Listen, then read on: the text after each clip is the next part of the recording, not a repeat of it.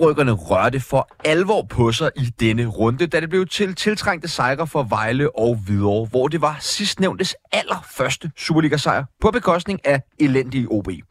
Der er for alvor spænding i bunden af ligaen, hvor Lyngby og Viborg også smed point.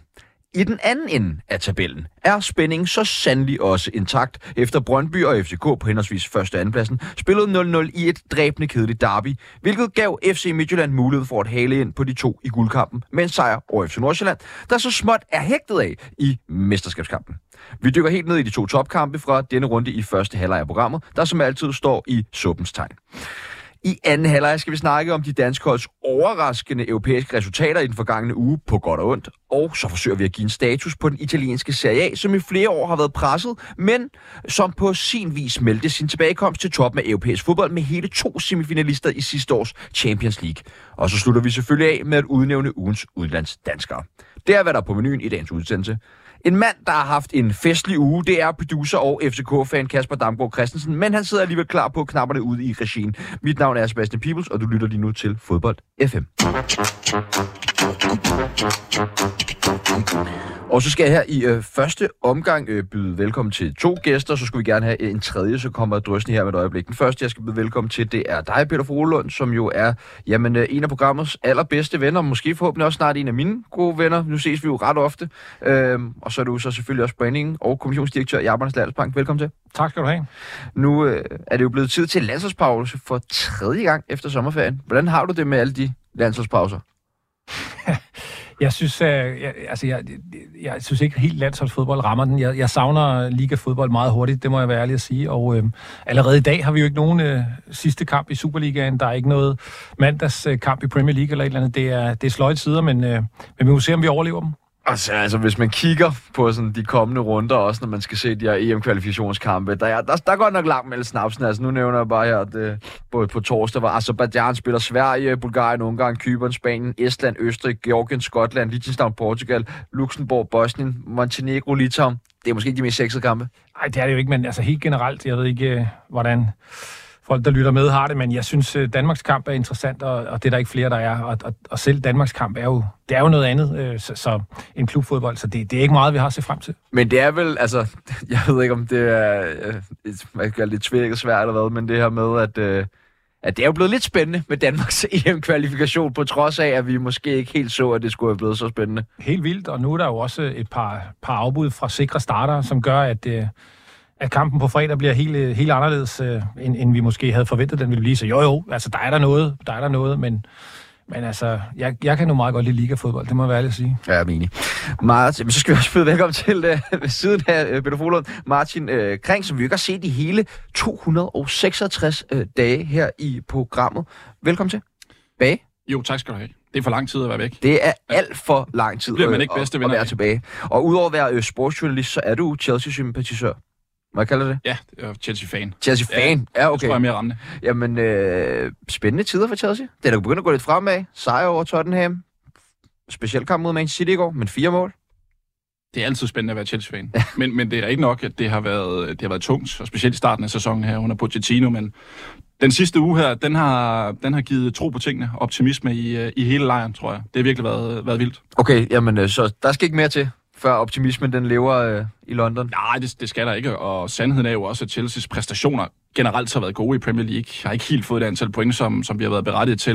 Jeg tror, vi har vundet øh, alle kampe på nær en på, på expected goals, så det har set øh, spændende ud. Rigtig mange øh, gode spillere. Øhm, 8 mål mod Spurs og City, det er, det, det er altså stærkt. Så, så tror man på, at der er noget, noget, noget krummer i projektet. Dejligt at have dig tilbage øh, igen i programmet, Martin. Og så, øh, ja, så har vi jo en sidste mand, som er lige på trapperne, og det er selvfølgelig Kasper øh, Larsen fra Kvart i Bold, som kommer lige fra øh, en anden podcast. Men øh, inden han kommer, så skal vi også øh, lige tage det, som vi altid skal, skulderklap og takling. Og øh, Martin, hvad har du taget med af skulderklap til i dag? Jamen, nu har jeg ikke forhørt alle øh, udsendelser i den her sæson, så det kan jo godt være, at I allerede har øh, fået hyldet vores spanske darlings Girona, som jo øh, ligger nummer et i, øh, i La Liga. Øhm, i øvrigt med en øh, tidligere Superliga øh, er legende, det er måske et stort ord, Artem Dovbyk fra, fra Midtjylland og Sønderjyske, som, øh, som ligger bomber nede i La, La Liga der. Det, øh, det er stærkt. Så jeg er sådan lidt ambivalent, fordi øh, Girona er jo en del af den her City Football Group, som jo er ejet af Abu Dhabi Group, så de er en del af alt det her flerklubs ejerskab øh, og så videre. Så der er sådan lidt en bismag omkring det, men jeg synes stadigvæk, det er befriende, at vi har et hold, som kæmper med de, øh, de etablerede store i, i Spanien. Så, så det er spændende at se, hvor langt det kan række. Ja, og hvad tænker du? Tror du, der er noget, der ligesom kan... Det er jo, de bygger lidt på. Sidste sæson var vel heller ikke så skidt for dem, så vidt jeg husker. Øhm, og har bygget lidt på igen den her sæson. Jeg må faktisk være ærlig at sige, at jeg kan ikke huske, hvad de, øh, hvad de endte i sidste sæson. Men øhm, det, det er et spændende projekt, og det er spændende at se, hvor, hvor langt det, det kan bære. Altså, øhm, ja. Ja, fremover. Og Peter, et skulderklap? Jamen, det er sådan helt åbenlyst, øh, synes jeg, på mange måder, at give det til, til Hvidovre og Per Fransen. Det var... Jeg har set nogle af de der... Øh, jubelvideoer for deres omklædningsrum og sådan noget. De virker glade, og det kan jeg godt forstå. De har lignet et hold, som ville få svært ved at vinde overhovedet, og øh, nu, har de, øh, nu er det den af skuldrene. Øh, det var selvfølgelig OB, det skulle gå ud over, øh, men øh, nu er det den af skuldrene. Og det, det er meget fedt. Altså, de, de, de blæser ned, det er der ingen tvivl om, og øh, det, det, der kommer nok til at gå et stykke tid, inden de får sejr nummer to. Men øh, man kan ikke tage fra dem, at øh, nu har de prøvet at vinde i Superligaen. Det tror jeg, der er meget fedt. Og ham, der lavede øh, to mål, øh, øh, Tobias, øh, eller hvad han hedder. Øh, Thomsen, ja. Tobias, Tobias Thomsen, ja. som de øh, kalder tuben der. Jeg har da hørt Per Fransen råbe efter ham i en første divisionskamp i Vejle, og så, så jeg tænkte, at den mand aldrig kommer til at spille. Nu har han lavet to Superliga-kasser og sådan noget. Det er en meget fed historie, det synes jeg. Ja, men altså, velkommen øh, i Superligaen ja, til uh, videre med deres uh, første sejr. Great escape. Ja, præcis. Nu må vi se, at Lyngby gjorde det. Ja. Lad os se. Uh, det vil da, hvad til en takling, Martin? Ja, øh, vi skal til, øh, til Premier League og til, til Newcastle nede i Bournemouth, hvor de tabte med, med 2-0. Der var sådan en batalje, jeg har sikkert set videoen af, af Kevin Trippier, der er ude og diskutere med en Newcastle-fan. Jeg ved ikke, hvor mange der har stået og været utilfredse med, med Newcastle i, i, øh, i kølvandet på den kamp der, men jeg synes, det er sådan lidt, det er sådan lidt forkælet med, med det sted, Newcastle er kommet nu under, under de nye ejere. Altså, de har lige været en tur i, i Dortmund til, til en sikkert vanvittig fed tur med, med masser af af, af store øl og, og, og rigtig god stemning. Øh, Champions League, og de, og de har også leveret fint i Premier League og i Carabao Cup kvartfinalen, så at stå der og være sådan lidt øh, krise, at begynde at snakke sådan lidt, lidt krisestemning ind i, i Newcastle-truppen på trods af mange skader osv., det, det, synes jeg er, det synes jeg er for hårdt. Ja, men helt klart. Det kan også fremstå en smule utaknemmeligt, når man tænker ja. på, hvor Newcastle de lå og rode rundt for bare øh, to år siden. Øh, en takling her. Jamen, øh, den, er, den er faktisk til Nordsjælland for deres... Øh... Ikke OB? Nej, det, det, er sådan, det er fornemt. Det er fornemt. Det er, det, det er simpelthen fornemt. Det er sådan noget, altså det, det er lidt, lidt ligesom, når man vandt øh, over sine børn ude i haven, da de var to år i fodbold. Det, det, det, gider vi ikke. Det gider vi ikke. Men det vi godt gider, det er at give den, eller jeg gider i hvert fald, det er at give den til, til Nordsjælland, som, øh, som jeg har lidt svært ved deres øh, præstationer, øh, både i Superligaen og i Europa. Altså, det er selvfølgelig øh, øh, præstationen i torsdags, der gør, at de får øh, takling nu, men jeg synes både øh, altså kampen mod Midtjylland er dårlig. Jeg synes, de spiller mange dårlige kamper. Jeg er med på, at man skal, man skal lære at spille i Europa. Det skal alle øh, danske hold, der har prøvet det, skal lære det. Men for det første er de en relativt nem pulje, og for det andet, så er det, så er det vildt mange kampe, de har været sløje i nu. Så, så øhm, en takling til dem, øh, hvis de gerne vil øh, alt det, de siger, de gerne vil, så skal de levere mere end det her. Øh, de skal være glade for, at sæsonen er, som den er, hvor det jo virker som om top 6 mere eller mindre er givet, men, men, øh, men de spiller virkelig dårligt i øjeblikket. Det synes jeg. Det gør det, og det er jo ja, skuffende for os, som øh, havde store forventninger til øh, FC Nordsjælland, inden den her sæson øh, gik i gang. Vi skal snakke meget mere øh, Nordsjælland senere i programmet.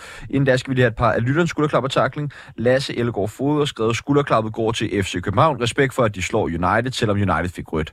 FC København spillede ringe meget første halvleg, men på Champions League aftener øh, i parken har de bare en stor tro på tingene. Takling fra Jesper Rune Hero Sørensen til Tottenham, der er faldet helt sammen efter James Madison er blevet skadet. Senest illustreret i weekend, da de smider en 0-1-føring øh, i overtiden og taber tur til Wolves. Ja, måske lige grov nok øh, tackling allerede til øh, de stakkels Tottenham.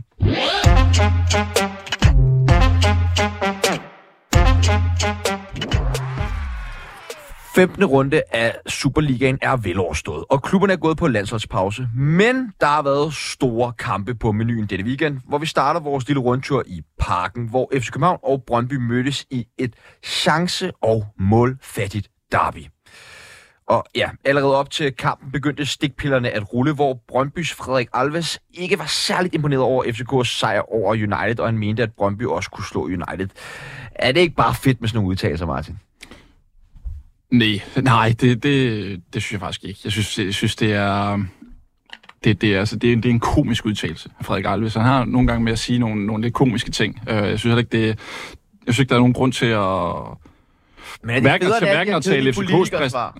Nej, nej men altså, jeg synes ikke, der er nogen grund til at tale FCK's præstation ned, eller, eller begynde at spekulere i alt muligt. Jeg synes, det er, jamen, det er en dårlig udtalelse, faktisk.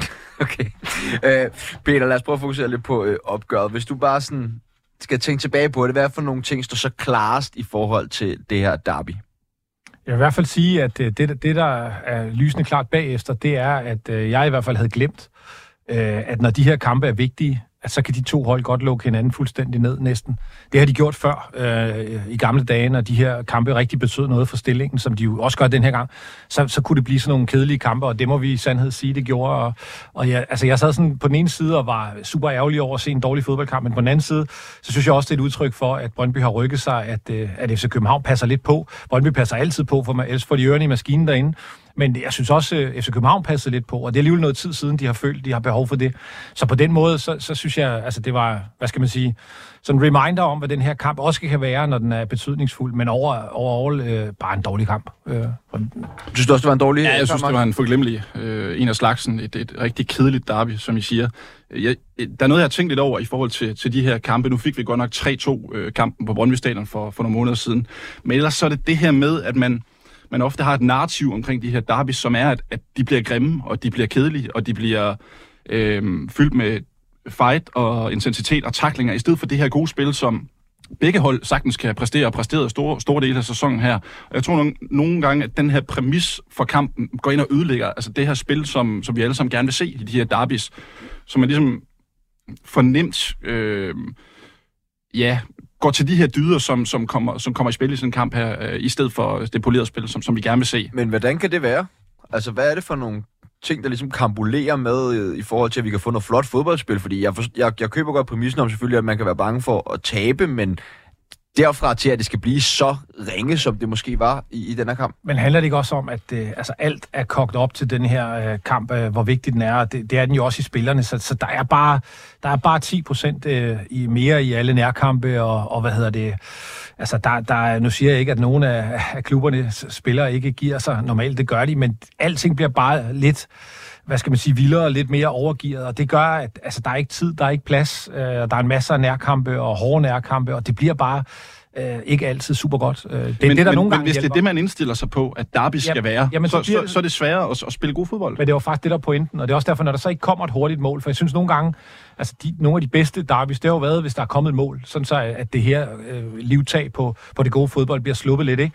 Så, øh, så hjælper det. Men efterhånden, som, som kampen skrider frem, og der ingen har holdt det score, så bliver det sådan en selvforstærkende ting, og jeg synes faktisk, altså, Øh, helt ærligt, at kampen faktisk blev dårligere og dårligere, og, og den sidste, de sidste 20 minutter, synes jeg, det var ret tydeligt, at ingen af dem havde lyst til at tabe. Og jeg tror, det med det er sådan noget selv, altså selvforstærkende noget, øh, og det, det, det er selvfølgelig ærgerligt, der er mange gode spillere på banen, og hvis man kigger lidt på de gode spillere, så er det ganske få. Altså Rasmus Falk spiller en god kamp, Daniel Vass spiller en god kamp, men ellers er det jo primært øh, spillere, øh, som skal begrænse mere, end det er dem, der skal, der skal lave noget, noget fedt, som, øh, som shiner. Så det, det, det, det er de forkerte ting, der kommer i højsædet. Jeg er også lidt skuffet over, at, at de to trænere ikke har større ambitioner for, for kampen i går. Altså Næstrup i, i interviewet efterfølgende var meget konservativ omkring, jamen et point, det tager vi ind på, på, på bankbogen. Altså det var, det var fint for, for FCK.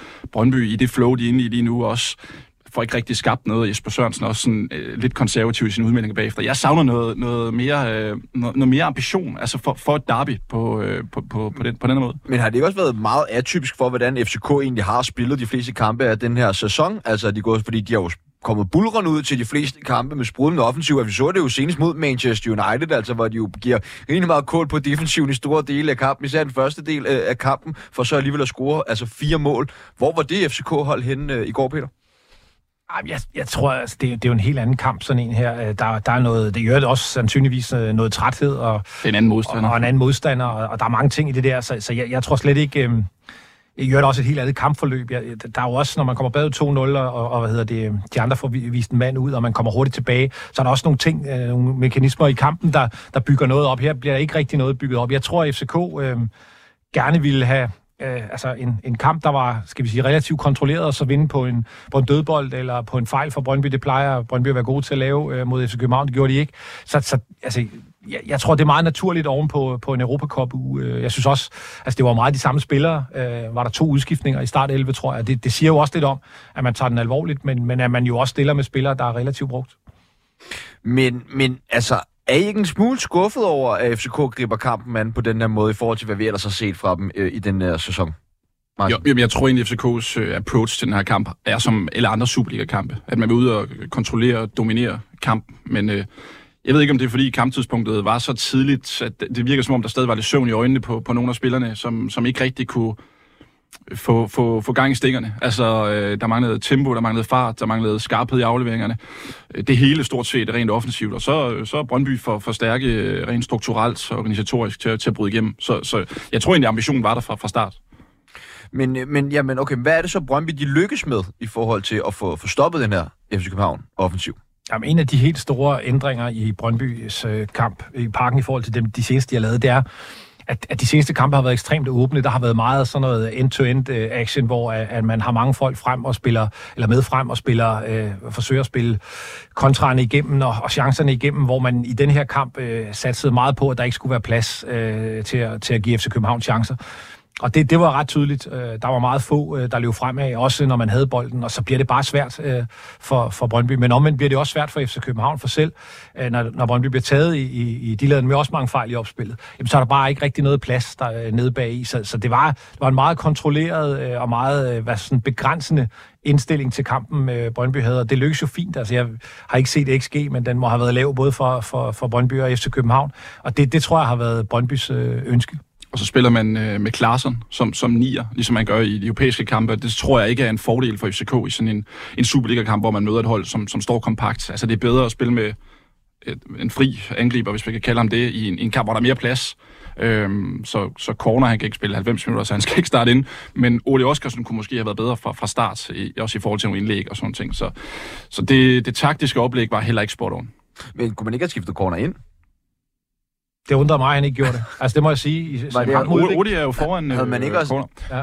i køen. Jamen jo, jo, han skulle da have været inde. Han var der... Var han ikke også gemt? Altså, for man tog ham ikke med til kampen mod United, fordi han skulle være klar til den ja, her Ja, lige præcis. Kamp. Ja, ja, argumentet var jo, at han skulle doseres, så han kunne være klar til, til, til Hvad ligger du i, Martin? At han ikke Nå, var min grundlæggende altså, indstilling til, til hele øh, corner-casen, det er jo, at han er, han, er, han er skadet. Altså, at han er, han er for skadet til at spille fodbold. Og, og, det, og det har FCK svært ved at acceptere, og derfor kommer der nogle gange nogle søforklaringer, noget, noget, noget kosmetisk hen over de forklaringer, de kommer med øh, i forhold til, til, hvor Corner står. Jeg tror simpelthen ikke, han kan spille. Hvor lang tid skal de presse den her Cornelius Citron? Fordi det har jo godt nok været noget tid nu. Han er en dyr herre. Ja, det må man sige. Ja, det, det, det ved jeg ikke. Altså, det, han er jo på kontrakt i nogle år endnu. Øh, det, er en svær, det er en svær situation, fordi... Men burde man ikke snart prøve at se, om man kunne skifte ham af til et eller andet sted, eller en fælles opsigelse, eller et eller andet, eller hvad? Jamen, det ville være drømmescenariet for FCK, hvis man kunne få 40 millioner for ham og, komme af med hans lønpose. Men det kan jo ikke lade sig gøre. Men har jo ikke spillet fodbold. Man kan, altså. man kan jo ikke sælge ham. Altså, det, det er egentlig, altså, hvis man skal noget, så skal man jo lave en eller anden fælles aftale. Og, og altså, det kan jeg ikke se Cornelius har nogen interesse i lige nu. Så, så jeg, jeg tror, at den her, den her historie kommer til at vare et stykke tid, det tror jeg. Og, og jeg tror, at de er villige til at strække sig langt FCK, fordi at det er en dyr øh, lønomkostning, og det vil det være i, i, i meget lang tid endnu.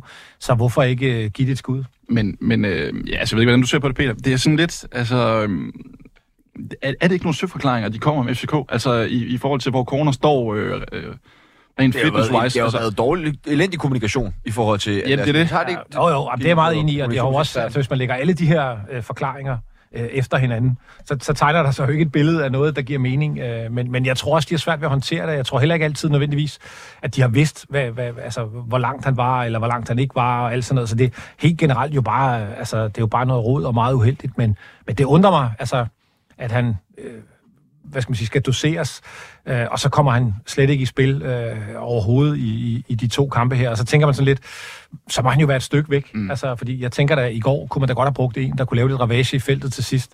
Det kunne han så åbenbart ikke, øh, eller også har man ikke ture, og hvis man ikke tør, så er der jo et eller andet galt. Så jeg, jeg, jeg er meget enig, jeg heller også til, at øh, altså, der er flere kapitler i den historie, end vi kender. Øhm, og dem, vi kender, øh, hænger ikke sammen, men, men det må der jo være en grund til, og grunden er sikkert ikke positiv, så havde vi hørt det. Nå, tilbage øh, til kampen. Øh, altså, jeg, jeg ved, jeg fisker lidt efter det her, men at det her FC København-hold... Øh, er, er Brøndby blevet så gode, at det var nødvendigt for FC København at gå ind til det med den her meget taktiske indstilling øh, til kampen? Ja, det, det vil sige, øh, det korte svar er ja. Altså, det er jo også et udtryk for den respekt, der er. Øh, og meget fokus på vas vallis forbindelsen som, som Lea var, var katalysator for at lukke ned. Øh, så mere, hvad kan man sige, fokus og, øh, og bevågenhed på det, som Brøndby kommer med, i forhold til tidligere, hvor de har, har ligget øh, længere ned i tabellen, eller har været i, i krise, eller hvad de nu, hvor de nu har været. Så det er et udtryk for, at Brøndby er et, et godt sportsligt sted nu. Øh, ikke på højde med FCK, de kan ikke slå Manchester United, det er min påstand. Men øh, der er den respekt, som, som der også skal være, og så blev det bare øh, en taktisk, øh, et taktisk slag, som ingen vandt. Men er, er de her to, hvis vi bare tager øh, altså, de to startende elver over for hinanden, fordi der er jo ingen tvivl om, at FCK har en meget, meget bredere trup, øh, end Brøndby har. Men hvis vi tager de to startende elver over for hinanden lige nu, er de så lige gode, Peter? Nej, det er de ikke. Jeg, jeg stadig synes, der, der, der er nogle procenter til, øh, til FC Københavns fordel. Men det er tættere på, end det har været i, i nogle år. Øh, det er det. Men, men jeg synes faktisk, altså hovedpointen er i noget af det, du, øh, du så skærer væk, det der, hvis vi siger, hvis vi kun tager et start 11, det, der er jo, altså noget af det, som, øh, som gør, at der er langt fra Brøndby op til FCK øh, på lidt længere sigt også, det er jo bare, at FCK kan skifte ud og holde niveau. Det, det kan Brøndby ikke. Øh, og, og når man så samtidig starter med, at 11 mod 11 er FC København også en smule bedre, altså, så, så, så er man et stykke efter. Øh, og det, det synes jeg også, øh, altså, er tydeligt i, i stillingen, og det vil helt sikkert blive endnu tydeligere, når vi kommer længere frem. Øh, vi skal huske, at FC København spiller Champions League sammen med det her. Brøndby har ikke andet øh, end det her, og så selvfølgelig øh, pokalen, hvor det har været nemt indtil videre. Så, så altså, der er et stykke, øh, men, men det er tættere på, end det har været i mange år, og det er jo en, øh, eller i hvert fald i nogle år, og det er jo en, øh, det er jo en god ting, hvis man øh, vil have lidt spænding i toppen, nu hvor Midtjylland også skal til at være med igen. Øh, og ja, og det er, var det et bevis på, at Brøndby de er en seriøs kandidat til mesterskabet i den her sæson, Martin? Nej, det, det ved jeg ikke, om det var. Ikke isoleret set den kamp i går. Jeg har set de fleste af Brøndby's kampe i den her sæson, hvor man ikke har formået at kontrollere kampene i, i 90 minutter. Øh, så jeg tror også, at der kommer en periode, hvor Brøndby kommer til at slide lidt med det resultatmæssigt. Øh, og når vi tager foråret, hvor FCK muligvis er ude i Europa. Jeg håber, de kommer langt. Øh, og pokalturneringen også. Men for lidt mere tid til de her Superliga-kampe, så tror jeg også, de kommer til at, at, at stikke forholdsvis sikkert af for resten. Øh, måske Midtjylland kan være med. Jeg tror ikke på, på Brøndby, ikke i det lange løb. Øh, ja, der var jo ikke de store øh, overraskelser i de to startopstillinger, men alligevel så var der jo en øh, hos Brøndby især, hvor at, øh, ja, Suzuki var valgt øh, på angrebsposten frem for Uri. Øh, hvad ligger du i det, Peter? Jamen, jeg tror, det handler om fart, og jeg tror, det handler om øh, det første pres øh, mere end, end noget andet. Så, så ved jeg godt, der har været nogle historier om, at han måske bøvler lidt med sit ene knæ. Ohi. det, det ved jeg ikke. Øh, det, det er jo sjældent, man sidder på bænken, hvis man ikke er klar til at komme ind og sådan noget. Så jeg ved ikke helt, hvor den er. Men jeg tror, valget ligger i, at øh, man får noget fart og noget teknik øh, og noget øh, meget mere, øh, hvad hedder det hvad skal man sige, altså han kommer hurtigere rundt på banen og er bedre i det første pres, end Uhi er. Og jeg tror, man, man ser sig selv i en kamp, hvor man skal stå dybt øh, øh, en del af tiden. Og så er det bare en, øh, en bedre ting at have to hurtige op foran, øh, der, kan, der kan løbe efter, efter hvad hedder det, de lange bolde. Jeg synes, langt til ad vejen, han gjorde det fint. Jeg synes faktisk, hans, hans, hans presarbejde var rigtig fornuftigt. Så, så det virkede til at være et... Øh, et godt valg. Øh, øh, det, det, det gør det både af de taktiske grunde, og så synes jeg også, man skal huske, at OE har været inde i, øh, igen inde i en, øh, en formkrise. Så øh, jo, det, det synes jeg egentlig giver mening. Alligevel en mand, der har scoret fire derbys i trækken, som man holder ude. Det, det er farligt. Begynder det at ligne, at Brøndby de skal kigge sig efter en ny første angriber? De skal være, ja, det, det tror jeg faktisk, jeg synes. Altså, jeg, jeg har tænkt lidt over, at uh, han er god, men han er også utrolig begrænset. Og, og vi må bare sige, at der har været en del uh, pauser i hans scoring, så jeg, jeg, jeg tror, en, en, uh, en stærk, en stærk nier... Uh, Andreas Cornelius? Uh, ja, det kunne være det. Som, som minimum kan konkurrere uh, med, med Ohi på, på mere eller mindre lige vilkår, tror jeg vil være godt også til at, til at aflaste ham lidt, når det, når det ikke går. Fordi det, det der med, når man bruger Suzuki, det, det, er, jo, det er jo en anden type, type fodbold, man skal spille med sådan en, og det er jeg ikke sikker på passer så godt til Brøndby i, i alle kampe i hvert fald. Så, så ja, det vil jeg faktisk synes, at man skulle. Og ja, hos FC København, der var den største overraskelse muligvis, at unge Rooney Bagaji, han øh, startede inde på kanten. Ja, det ved jeg ikke. Nej, okay. Han har jo startet de fleste Superliga-kampe kan ja, man sige. Ja. Øh, men har med mindre succes, når han nu har startet kampen. Har du måske en forklaring Nej, på? det er jeg ikke enig i. Han har faktisk lavet en del af sine mål fra, fra start. Så øh, jeg synes, øh, Rooney har været den bedste FCK-spiller i Superligaen øh, i den her sæson. Også fra start. Øh, og med tanke på det mål, han laver mod United, og den selvtillid, han får at den, øh, den aktion, så synes jeg, det gav mening. Øh, Elionussi har været lidt småskadet og så videre, så ja, jeg havde også startet med Rooney. Daniel Vass øh, fik også store præ- øh, roser for sin øh, præstation i opgøret. Og jamen Peter, hvad er det? Altså Daniel Vass, som i den her sæson, for de sidste sæson, der synes jeg, vi var meget efter ham og kæmpet meget med det. Men hvad er det ligesom, han bidrager med i denne her sæson? Altså, jeg synes, øh, set udefra, øh, så synes jeg faktisk, det er som om, han har, han har fundet sig til rette. Jeg synes, at både hans kropssprog og hans øh, sådan generelle, hvad skal man sige, måde at agere på banen sidste år, lignede en, der ikke helt var, var tilfreds. Jeg tror, at det der forsøg med at sætte ham ned som højre bak, tror jeg ikke, han var glad for, uden at jeg ved det. Men, men altså sådan samlet set, så tror jeg, at han har fundet en god plads. Holdet fungerer øh, bedre nu. Øh, han har fundet en rigtig fin for ham legekammerat i, øh, i, i Wallis, som i øvrigt også, tror jeg, er glad den anden vej. Så jeg tror sådan, det er den der indkøringsperiode, hvor han måske har gået og tænkt, øh, at øh, hvad hulen laver jeg her, og er det det, skal jeg spille højre bakke, og hele det der, det er væk. Nu har han fundet ud af, hvad, hvad er hans rolle, og, og hvad kan den være, øh, og, og hvor meget indflydelse kan han i virkeligheden have på spillet. Og alle de her ting øh, peger bare i en god retning, øh, og så vinder Brøndby nogle kampe, så jeg tror, det er sådan kombi af mange ting, men, men, men det er en fornøjelse at se, de sidste par kampe har han været virkelig, virkelig god. Hvordan vil du ligesom beskrive hans øh, ja, hvad skal man sige, samspil med Wallis i den her kamp mod øh, FC København? Fordi det lykkedes jo ikke helt lige så godt, som vi ellers har været vant til at se de seneste par kampe. Nej, FC København var utrolig gode til at sørge for, at Wallis ikke havde plads til noget som helst. Øh, og jeg tror, at de første 3-4 gange, han havde bolden, smed han den væk, fordi han simpelthen var, var presset til, til, til at, at bevæge sig i meget små områder, uden rigtig at kunne slippe af med den. Så jeg synes, øh, FCK var gode til at få begrænset Wallis mere end Vas.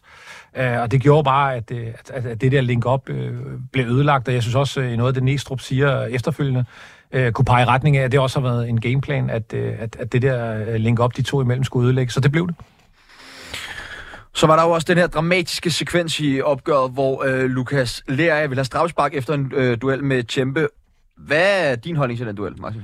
Ja, jamen, jeg, først og fremmest var lidt overrasket over, at det der var tjek to, tre minutter, eller hvor lang tid det tog, for jeg synes ret hurtigt, man kunne se, at det var Chimpe, der var først på, på bolden. Altså, øh, lige når du ser den i, i fuld billede øh, i, i live action, der, der kunne du godt lige lige komme ind og prikker den. Ups, er der så straffespark. Det er der, hvis han kommer først på den. Men den første slow, synes jeg, viser, at Chimpe er først på, på bolden. det er ret tydeligt. Øhm, så helt fint med mig, at der ikke blev, blev dømt straffespark der. Så synes jeg jo, det var fedt at se og høre øh, Mads Kristoffer, Kristoffersen efterfølgende sige, at mit skøn er jo, at der ikke er straffespark. Og var øh, snakker eller kigger så på den efterfølgende og fortæller, at de har ikke noget bevis for, at det er Lea, der er først på, på bolden. Øhm, det synes jeg bare var fedt at høre. Altså sådan, øh, sådan en udlægning af, hvordan det var foregået inde i, i varerummet sammen med, sammen med Mads Christoffer. Jeg synes ikke, der var straffespark. Ja, nej, men øh, og, og fedt det her med, altså vi havde det også, jeg tror også, det var forrige runde, hvor øh, Sandri Putros også stillede op til interview efter kampen, og det giver bare altså sindssygt meget, når de her dommer, de gider øh, at stille op ja. og svare på nogle ting, som vi sidder og undrer os over derhjemme, fordi at, man må også bare sige, at linjen for var i den her sæson, om vi taler Superliga, Premier League, Champions League, har jo været jamen, meget, meget svær øh, at få øje på. Altså, det var jo ikke sådan en kamp, hvor det var det spillemæssige, der fik... Uh, jamen, velkommen til, Kasper. Du danser bare, vi er også næsten lige ved at være færdige med FC København. Det er med mig også på tide. Velkommen til. Øh, nej, men øh, ja, som sagt var det ikke spillet på øh, banen, der fyldte så meget i forhold til den her kamp. Øh, men noget, der fyldte, det var blandt andet et banner fra Brøndby's fanskar med teksten. Det er kampdag, klokken den er kvart i uno, og vold. Velkommen til Nordens største TikTok til byen, fyldt med turister, piger og stikker. Øh, Martin, hvad tænker du om det banner? Jamen, før, ja, før jeg så det på Twitter først, så tænker jeg sådan, uha, det er giftigt, det der, øh, den formulering, øh, i forhold til, øh, altså, der er meget af det, der, der, der er giftigt og sprængfarligt, men det med piger var sådan lidt øh, lupassende på mange måder, og det er ikke specielt 2023-agtigt, så, øh, så det, det var jeg ikke fan af at se. Velkommen til Kasper. Hvad, hvad så du der banner, da du var i parken i går? Øh, jamen, først og fremmest så jeg jo det samme, som der bliver set her fra sidemanden. Øh, og så får man jo at vide, hvilken kontekst det er sat ind i. Og jeg synes egentlig ikke, det hjælper så meget, at, øh, at det er sat ind i en kontekst. Fordi øh, jeg ved, der er mange, der kæmper en kamp ude øh, med at blive accepteret og anerkendt som fodboldfan.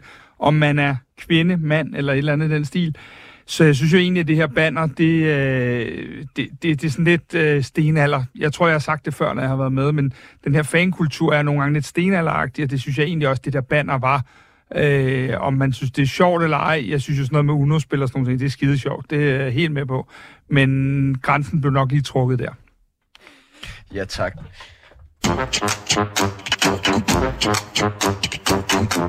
Vi lukker efterårs sidste derby ned og skal videre til et andet nu siger jeg i situationstegn topopgør, hvor FC Midtjylland spiller sig op på siden af Brøndby med en 200 sejr over FC Nordsjælland. Øhm, og ja, hvis vi skal prøve at sætte nogle overskrifter på øh, det her opgør, øh, hvad husker vi så ligesom tilbage på, Peter? Ja, vi husker tilbage på, synes jeg, to ting. Øh, det ene er, at øh, det, som jeg startede med at snakke om Nordsjælland, de har det bare svært lige i øjeblikket. Øh, både når de spiller Europa, når de spiller Superliga, og øh, der er masser af gode forklaringer, XG, og vi spiller bedre, og chancerne er der og sådan noget, men resultaterne er de samme, og, og det, det synes jeg igen, vi så. De har utrolig svært ved at få øh, for eksempel Ingvartsen i gang, og jeg, jeg synes, han har fået ufattelig mange spilminutter af hans spil taget i betragtning. Så ligesom den ene side, og den anden side er, at øh, det her Thomasberg FC Midtjylland, de sidste otte kampe, tror jeg det er, er det, er det otte eller ni kampe, der har de to og en halv øh, øh, point i snit. De er utrolig effektive, uden egentlig at spille særlig flot, og det, det synes jeg også, de var der. Det var jo ikke en... Øh, en sprudlende fodboldkamp, i hvert fald ikke øh, det, jeg så.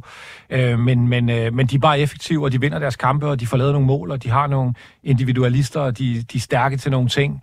Dødbolde, andet og sådan noget. Altså, det begynder at ligne en, øh, et, et hold, der skal tages, øh, der skal tages alvorligt. Det, det synes jeg. Men, øh, jeg synes heller ikke, de er besynderligt udfordret i, i går. Det synes jeg ikke. Martin, hvor skuffet er du over FC Nordsjælland i den her sæson? Jeg er ikke skuffet over deres øh, europæiske gruppespil. Øh, der ligger de på ja, det syv point, de har for, ja. for fire kampe. Det synes jeg egentlig er meget stærkt, og, og specielt 7-1-sejren over Ludogorets øh, springer i øjnene. Men, men Superliga-sæsonen har de jo ikke kunnet jonglere med, øh, og det har jo været en udfordring. Øh, at truppen ikke er bredere, end den er, og at de kvalitetsspillere, der er hentet ind, Ingvartsen, Schjelderup og så videre, ikke har leveret på, på den der høje klinge, som, som man skal kunne forvente. Så, øh, men handler det virkelig om bredden i truppen? Altså, fordi... Ja, det tror jeg, det gør. Øh, ofte når du ser danske hold klare sig godt i Europa, så, så er det via en bred trup, øh, fordi det kræver bare noget helt særligt at spille hver, hver tredje dag. Og jeg synes ikke, Nordsjællands trup er, er, er stærk nok ud på 18., 19., 20. mand, til at man kan jonglere med, med Superligaen også, og det er jo det, vi har set. Er, er I enige i den betragtning, Kasper? Ja, men ja, ja og nej. Jeg øh, tænker det... bare også, der er også noget, der taler for, altså i Conference League, og undskyld mig, men altså det er Ludogorets, det er Tjervaren med, og så ved jeg godt, finder bare kamp er måske en lidt hårdere kamp end de andre, men altså burde man ikke kunne, kunne balancere det, når man er FC Nordsjælland? Jo, men jeg, jeg tror faktisk, vi er nødt til at kigge lidt længere tilbage, fordi vi, vi er jo faktisk ude i et helt kalenderår her, hvor den har været galt, så vi kan jo ikke kun plaster det ind under de her europæiske kampe, fordi øh, det var jo et hold, der, der lå, da, da vi øh, har nytårsaften ind til 23, til at blive danske mester øh, og havde et, et rimelig stort forspring. Så det er, jo, det, er jo, det er jo noget, der går tilbage helt fra januar eller februar, når vi starter Superligaen, Superligaen igen, og indtil nu, at de jo øh, ikke har formået hverken at sætte et forår sammen, så satte de en god periode sammen lige i starten af efteråret, og så er de jo gået helt ned derfra. Så vi kan jo ikke bare kun undskylde det med med XG og underliggende parametre og øh, europæisk fodbold, fordi det, det har jo også været sådan i foråret, hvor at de, øh, ja, det kan man vel godt tillade sig at sige, at det var lidt en fiasko, at de ikke øh, ender som danske mester i sin sæson. Ja, Peter, hvad tænker du om det her? Altså, det er et problem, der har varet i, i længere tid for det her øh, FC Nordsjælland-hold, jo, og ikke bare kun kan tilskrives, øh, at der har været en ekstra Europakamp. Jamen, det er, det er jeg sådan set meget enig i. Altså, det, det synes jeg også, øh, som Kasper fint siger, tallene viser, de har, de har de har svært ved at lave mål. Øh, de har svært ved at få, få det her direkte øh, spil, som de ellers, øh, når de er gode, øh, er rigtig gode til. Det har de haft virkelig svært ved. Jeg synes, det, det virker meget svært for dem at finde en formel, hvor de får skabt hvad skal man sige, rigtig mange store chancer. Altså, jeg, jeg ved godt, en kamp, og, og nu tæller vi et helt kalender over sådan noget, men hvis man tager den i torsdags, øh, de møder et virkelig dårligt fodboldhold. Øh, de har i første halvleg 3-4 gange, hvor de øh, lykkes med øh, en 3-4 hurtige afleveringer, og bum, så har man en friløber, men de kan bare ikke rigtig mere end det. Øh, altså, øh, da det går ned ad bakke, kan de ikke vinde det, og, og anden halvleg er en ynk, og sådan. Altså, jeg, jeg synes, de har svært ved at finde et koncept, og jeg synes, at når de skifter ud, øh, har de svært ved at ændre. Altså, når først det begynder at, at glide for dem, og de siger, okay, Sjællerup fungerer ikke i dag, så prøver man nogle andre. Sådan Det, det lykkes ikke. Truppen er smal, og der er også et eller andet i den måde, de spiller på, som, øh, som har fået dem til at være øh, en dårligere udgave af sig selv. Og, og jeg ved godt, og det, det siger alle, at øh, øh jeg, jeg, jeg mødte øh, Dan Hammer deroppe den anden dag. Han sagde, at øh, på de tre måneder, han har været i Nordsjælland, havde han set flere brændte 100% chancer end 10 år i FCK. Øh, og det, det, er, det, er nok, øh, det er nok rigtigt, og det er jo selvfølgelig sagt for sjov, og det grinede vi af og sådan noget. Og det er slet ikke det. Men pointen er, at altså, de, der er en fortælling om, at de brænder mange chancer, det er rigtigt, men de spiller jo ikke godt. Altså, de, de, de spiller ikke godt, og jeg har svært ved at se dem komme ud af det lige nu. Ja, jeg markerede lige, og det, det, det er fordi, altså, jeg kan heller ikke huske, øhm, hvornår Nordsjælland sidst har manglet den der sådan, individualist, som har været helt, helt vild, og som vi har snakket rigtig meget om. Altså, Nuama sælger de her i, i sommer til via omvej til Lyon. Øh, så de har haft Kamaldine, de har haft øh, Adinkra, de har haft altså, en, en profil, som har båret rigtig meget for dem offensivt. Det burde Øh, være Schellerup. Ja, det, det burde det nemlig. den her sæson? Men, men der har bare ikke været den der mand, som, som har lavet de der mål, eller mere, altså flere mål, end man kunne forvente. Øhm, og det, det, det, er jo også med til at, du snakker om brændte chancer også, og så videre. Altså, det er jo også med til at, at fortælle en historie. Men jeg, jeg er jo stor tilhænger af, at man kigger på den lange bane. Jeg er stor tilhænger af, at man kigger på de her underliggende parametre osv. Det er bare ikke tilfældigt, når nu, at der har været en resultatmæssig jeg hader ordet, men krise igennem, øh, vi er i november nu, og den startede i februar, så bliver det bare ikke tilfældigt mere. Og det er måske lidt det, jeg angriber, at, øh, at, at der må være noget mere omkring bag de tal. Man, man brænder chancer on and off som fodboldhold, men man gør det jo ikke... Øh, det, er jo ikke, det er jo ikke der, skoen ligger begravet, når det er på 10. måned. Men hvad kan det så være, problemet er? Har vi Jamen, nogen bud på det? øh, jeg, Er det jeg, Johan jeg, Stof som jo er vel den mest åbenlyse årsag, altså siden hvad der er sket? Altså, det er jo ikke fordi, jeg siger, at jeg ved noget personligt, om han har gjort noget galt, eller han er en fantastisk træner, men det er jo bare, det er der, hvor han er kommet ind, at det ligesom er gået galt. Ja, og derfor er det jo sådan den hurtige, nemme konklusion at lave det. det, jeg kender i hvert fald ikke nok tilbage om at vide, om, om der ligger noget der.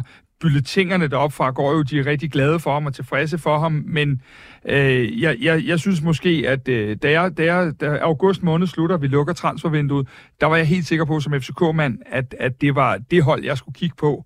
100% sikker endda, i forhold til, om jeg skulle være dansk mester igen til sommer. Jeg var slet ikke i tvivl om, at det var Nordsjællands vej, jeg skulle kigge, fordi jeg synes, der var så meget kvalitet.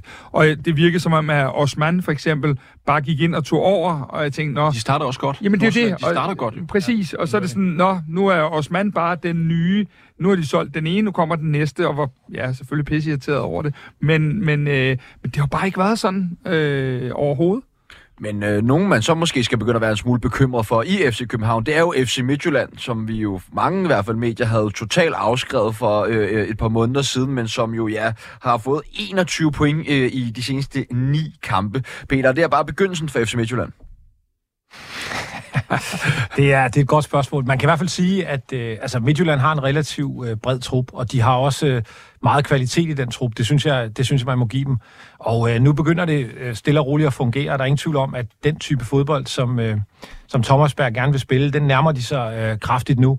Så, så altså jo, det synes jeg, at de har også vundet 2-0 i parken, og altså nogle af de resultater, de har, er, er flotte øh, sejre, så det, det er ikke det, det, det, er ikke, det er ikke held og tilfældigheder, det er det aldrig, øh, når man vinder så mange kampe, det er ikke det, men, men det ser solidt ud, og jeg synes også, de har truppen til det, og de har jo også den her med, at, øh, at de er i fred og ro, øh, det er så det, der betyder, når man ikke er med i Champions League, kan, kan koncentrere sig om en kamp om ugen, øh, mere eller mindre, og det, det, øh, det tror jeg er en fordel, når man er der, hvor de er. Altså, jeg, jeg synes, de ser, de ser farlige ud, og, og jeg, jeg vil ikke øh, sige andet end, at øh, altså, lige nu, der ligner de øh, en af dem, der kunne blive mestre, hvis FC København ikke vælger at blive det. Nu er jeg jo fra, fra Herning, så, så jeg kender alt til jysk, øh, godt jysk håndværk. Øh, og, og det ligner det lidt, at de er i gang med at, at få strikket sammen. Altså, de går sådan lidt under radaren med, med de her resultater, og det tror jeg egentlig passer dem fint nok, at, øh, at, at de fleste øjne hviler på Brøn, Brøndby og CK. Øh, og alligevel der har jeg min tvivl i forhold til, om, om de i den her sæson i hvert fald kan, kan kæmpe med øh, FCK øh, i forhold til mesterskabet. Men jeg synes ligesom, Peter, at altså, det, er en, det er en vild trup, de har. Øh, Cho, som, som angriber, er jo fantastisk. Øh, Osorio ser spændende ud. Den nye chilener, de har fået også. Gode forsvarsspillere. Simsier. Øh, Oliver Sørensen, som bare bliver ved med at levere. Også god målmand. Så at, Ja, er der meget, der taler for i hvert fald. De Nu nævner du Oliver Sørensen. Det er vel det helt store gennembrud, han er gang i nu, eller hvad? Det må man sige. Det må man sige. Jeg synes også at få Mads Bæk hjem fra, fra Brentford er vel også øh, øh, en ganske godt, øh, ganske godt scoop. Bestemt. Kasper, øh, som FCK-mand, hvem er man allermest øh, nervøs for i forhold til det her danske mesterskab? Når man er FCK-mand, er man bare nervøs for alle, men, øh, men jeg, jeg har jo nok skiftet fokus en lille smule fra det her Nordsjælland-hold, øh, som, jeg, som jeg regnede med, øh, og må sige, at det der er, de to, der forfølger os mest, Brøndby og Midtjylland, er begge, øh, hvad hedder det, øh, er begge hold, som der også bliver sagt her, øh, som er ved at stykke et godt håndværk sammen. Og det skal man altid have respekt for, fordi at det er der, hvor man kan sætte den her stime sammen. Der er ikke mange hold i Superligaen, der kan sætte den her stime sammen, som Midtjylland lige har gjort, og som Brøndby til dels også har gjort, og det er, jo, det er jo de hold, man skal kigge mest på, og ikke dem, der, som Nordsjælland måske har gjort, har haft nogle højere, i min verden, nogle højere peaks, end Brøndby og Midtjylland har, men også har haft øh, de her, ja, videre hjemme. Øh, så Brøndby og Midtjylland er da helt klart dem, vi skal kigge på lige nu. Og man kan sige i forhold til Nordsjælland, de er 8 point efter os, men det, jeg begynder at kigge på med Nordsjælland, det er, det er tre hold nu, der skal fejle, før Nordsjælland kommer i spil til det danske mesterskab. Det har meget svært ved at se ske. Men man kan vel også vente om at sige, lige pludselig at puljen af farlige hold, man skal møde i et mesterskabsslutspil for FC København blevet væsentligt større, hvor man måske kun i starten af sæsonen frygtede Brøndby, eller i hvert fald efter de første par kampe, men nu er man altså også nødt til at tage højde for, at man skal møde Midtjylland. Og Silkeborg. Silkeborg også, Ja. som jo også har rimelig godt tur i den. Ja, det er det, men, men altså, når vi når slutspillet, så, så ved jeg jo også godt, og en af de ting, jeg gør, at jeg føler mig så roligt, som man nu kan gøre, når man holder med et hold, det er jo det her med, at jeg jo godt ved, at vi øh, sandsynligvis ikke vinder Champions League, og derved på et tidspunkt her i løbet af det tidlige, tidlige forår, mens der stadig er grundspil, øh, så er vi med al sandsynlighed ekspederet ud af Europa senest. Og det gør, at når vi begynder at kunne få lov også at, at komme på træningsbanen og, og have hele uger til restitution, så forventer jeg jo også, at Næstrup og FC København-holdet øh, kommer til at stå stærkere, end vi gør nu. Og det er faktisk et ret højt pointsnit, at FC København har, samtidig med, at vi har en europæisk kampagne i øjeblikket. Så det er jo det, der gør, at jeg bare sover et par timer om natten. Øhm, jamen, kan vi sige, at øh, FC Nordsjælland, de er så småt ved at have udspillet deres egne chancer i forhold til at blive danske mestre? Martin? Hvad sagde du, 8 point efter FCK? Ja, det, det, var jo det, de, det var jo det, de spæd sidste år. Så det kan hentes. Øhm, om det kommer til at ske, det, det tror jeg ikke på, det gør, men at ud- at udspille deres mulighed, det vil jeg ikke sige, de har. Øhm, nu må vi se med Conference League og så videre, men, men jeg synes alligevel, der er så meget kvalitet, i hvert fald i, i start 11 og de første 14-15 navne, at, at de bør kunne spille med, øh, også i et mesterskabsslutspil, øh, hvor, hvor de sagtens kan levere gode præstationer.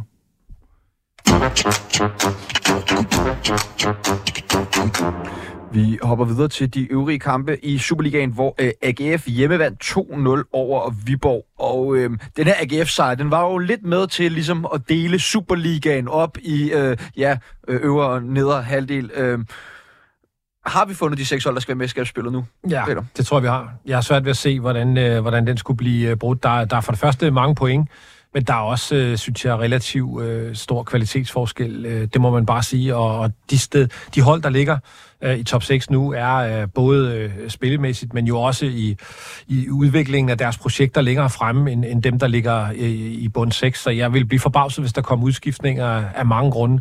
Er afstanden lidt større, end jeg havde regnet med? Ja, det er den nok, men... men øh, men jeg synes egentlig, at øh, det er et meget godt billede af, af niveauet, både øh, på, øh, hvad skal man sige, udviklingen af de forskellige hold, altså hvor er de i den, og, og, og hvordan de har spillet. Så, så det, ser, det ser kedeligt ud, hvis man godt kan lide spænding, men, men egentlig meget, meget øh, hvad hedder sådan noget, fair, hvis man spiller med det. den store negative overraskelse for mig i forhold til top 6, det er Viborg. Og jeg synes, øh, det, det de havde fået bygget op, som vi snakker med håndværk og så videre, øh, den gode energi, der var, nu ved jeg godt, de har mistet nogle nøglepersoner i deres, i deres sportslige organisation, men, men jeg synes, synes virkelig, de har underpræsteret i den her sæson, og, ja, og det er en overraskelse for mig, at Viborg ikke er tættere på top 6, øh, end de er, også med, med spillermateriale. Har vi ikke bare haft for høje forventninger til Viborg? Er det ikke mere det? Altså, har de ikke overpræsteret for meget af de sidste to sæsoner, og så er det derfor, ja. vi ligesom... Jamen, nu trækker jeg jo så lige... Øh, nu Peter er jo blevet en helt referenceramme for mig her, øh, med det du sagde, da vi var med en gang i foråret. Vi skal lige huske på det der med de der, det der pointtal. Det kommer jeg til at, bevæ- at, at vende tilbage til. At det så bedre ud med Viborg sidste år, end det... Ikke at det ikke var en flot sæson, for det var det, og det, det var øh, virkelig, virkelig øh, en, en, et stærkt run, de havde at kunne være med som til DM indtil, hvad, to runder før, eller noget af den stil. Men, men pointtallet er jo ikke voldsomt, og når du så smider nogle af dine bedste spillere, så for mig har det ikke været så overraskende med Viborg, fordi at du først smider din sportsdirektør, og så smider du øh, nogle af dine rigtig dygtige spillere, Anton Gej og Ashuri ind til os, og nu har du så også smidt din træner. Så det, jeg synes sådan set, at de bare finder det niveau, som jeg måske havde forestillet mig, hvor jeg lidt synes, de jeg synes- overpræsteret lidt. Ja. Jeg synes alligevel, det er så veldrevet en fodboldklub, Jamen, det det. som også var i Europa og spille øh, store kampe øh, mod West Ham og så videre. Øh, det momentum der, det, det har de så ikke helt fået, fået grebet øh, og fået bygget på, øh, lagt ovenpå. Og det er ikke sikkert, at ambitionen er til, til at lægge på, men, men jeg synes, det er ærgerligt, fordi det, er jeg nemlig synes, det, det, jeg, det er nemlig det, jeg tænker. Er det ikke bare det, Viborg er det, de gerne vil være nu? Jo, det tror jeg nemlig de, de er i også. Superligaen, ja, de, og de siger, de gerne vil være etableret i, i, i Superligaen. Og det er de vel også. Men det, det tror jeg også, og jeg, jeg tror, altså, vi blev lidt, øh, det var også det, vi snakkede om dengang, Kasper, lidt forblindet af, at, at øh, de lå rigtig godt, men i virkeligheden ikke med så mange point. Og når man, altså, som en, en klub som Viborg har jo bare ikke mulighed for at erstatte øh, spillere altid en til en, og, og når der kommer ændringer, er de nok en lille smule mere modtagelige over for, for de der bølgeskulp, end, end de store skibe er, så at sige. Så, så jeg synes, det er meget naturligt. Jeg tror ikke, de kommer i nærheden af, af nedrykning. Jeg tror nok, de skal få, få styr på deres ting. Men det er bare ikke et top, top 6 år for Viborg, og jeg tror over mange år, der vil vi have en del af de her sæsoner, hvor de ikke er top 6 hold, og så vil der være nogen, hvor, hvor det hele klikker, hvor de er. Jeg synes ikke, øh, jeg synes ikke, det er så skuffende. Øh, det kan da godt være, at de skulle have haft et par point mere hist og pist. Men samlet set, så, så, er, det, så er det fornuftigt ud for de forudsætninger, de har. Det tror jeg også, de synes selv. Ja, og jeg, jeg tror vel også, at der er mange, der sidder med den fornemmelse. Det er jo ikke utænkeligt, at, at Viborg så igen er omkring øh, top 6-pladserne øh, næste sæson, for eksempel. Nej, øh, fordi der, det er der, hvor vi, vi kan virkelig kigge på det der med, at vi har de her veldrevede klubber.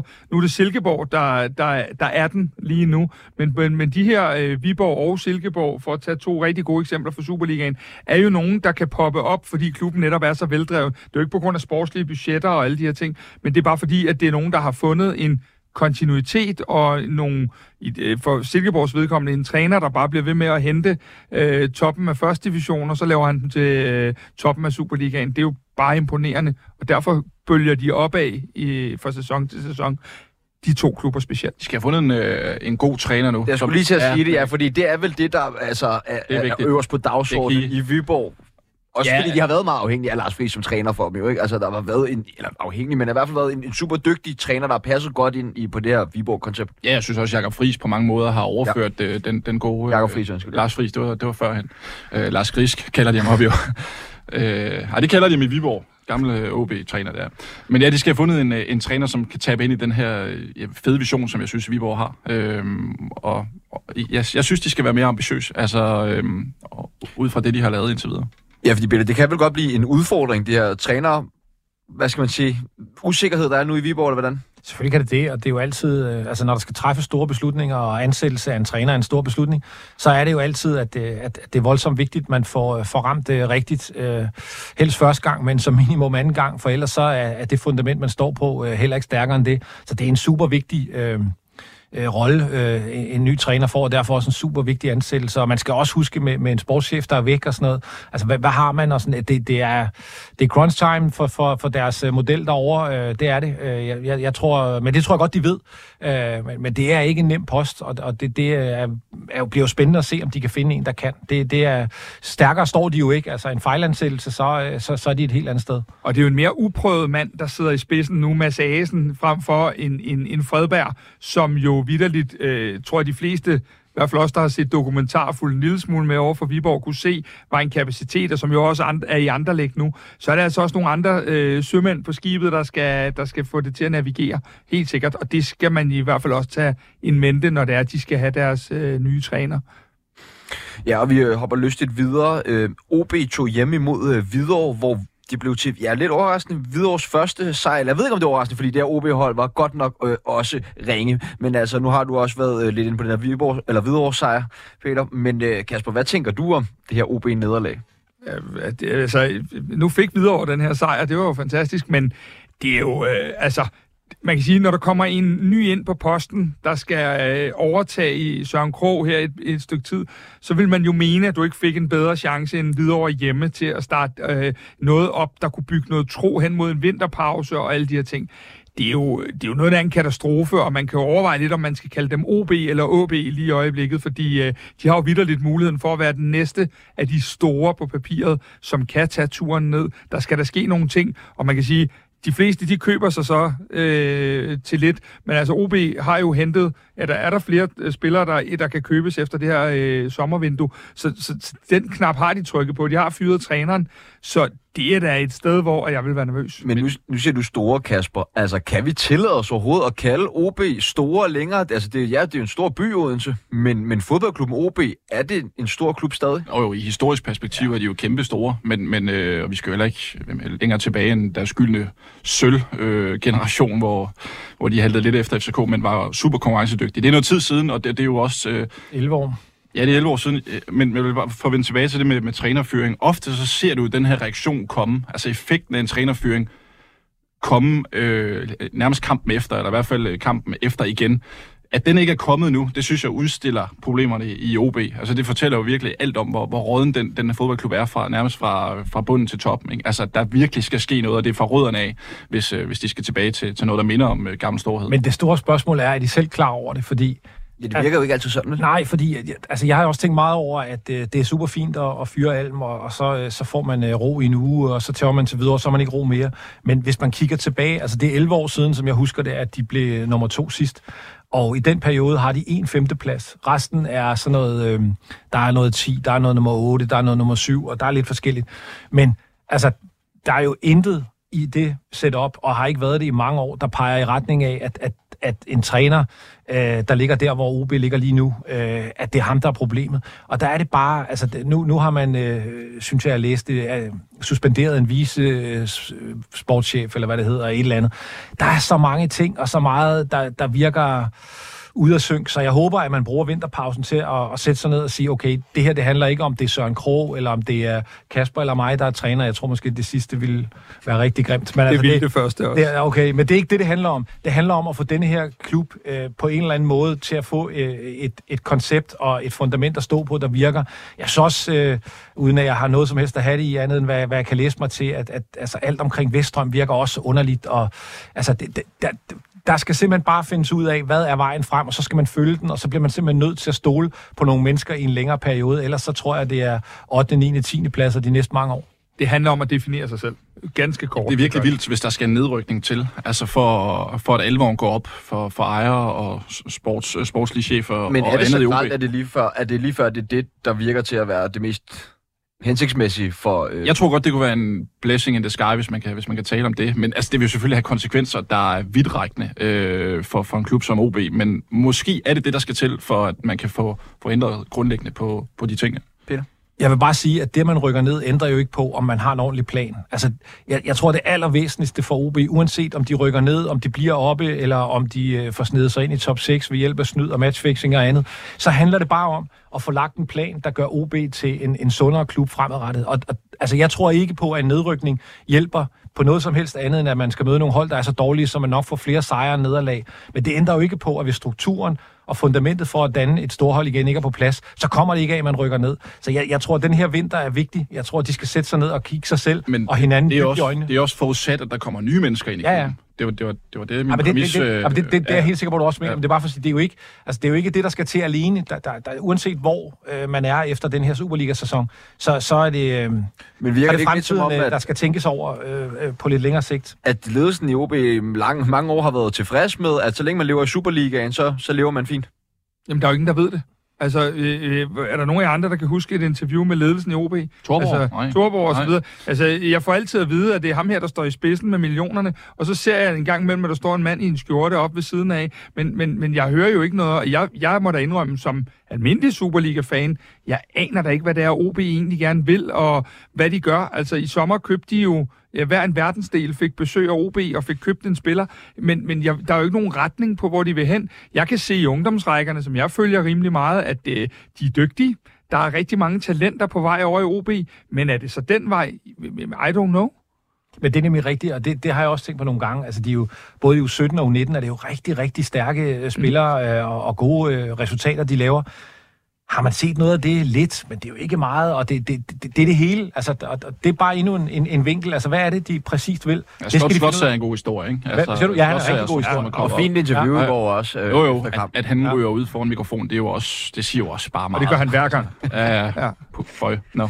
Det blev øh, de sidste ord af første halvleg af Fodbold FM, hvor jeg sammen med Peter Frohlund, Kasper Larsen og Martin Kring har behandlet 15. spillerunde af Superligaen. I anden halvleg af Fodbold FM øh, vender vi FCK's vilde sejr over United, FC Nordsjællands perspektiv i Conference League, en masse kærlighed til Serie A og selvfølgelig ugens udenlandsdanskere.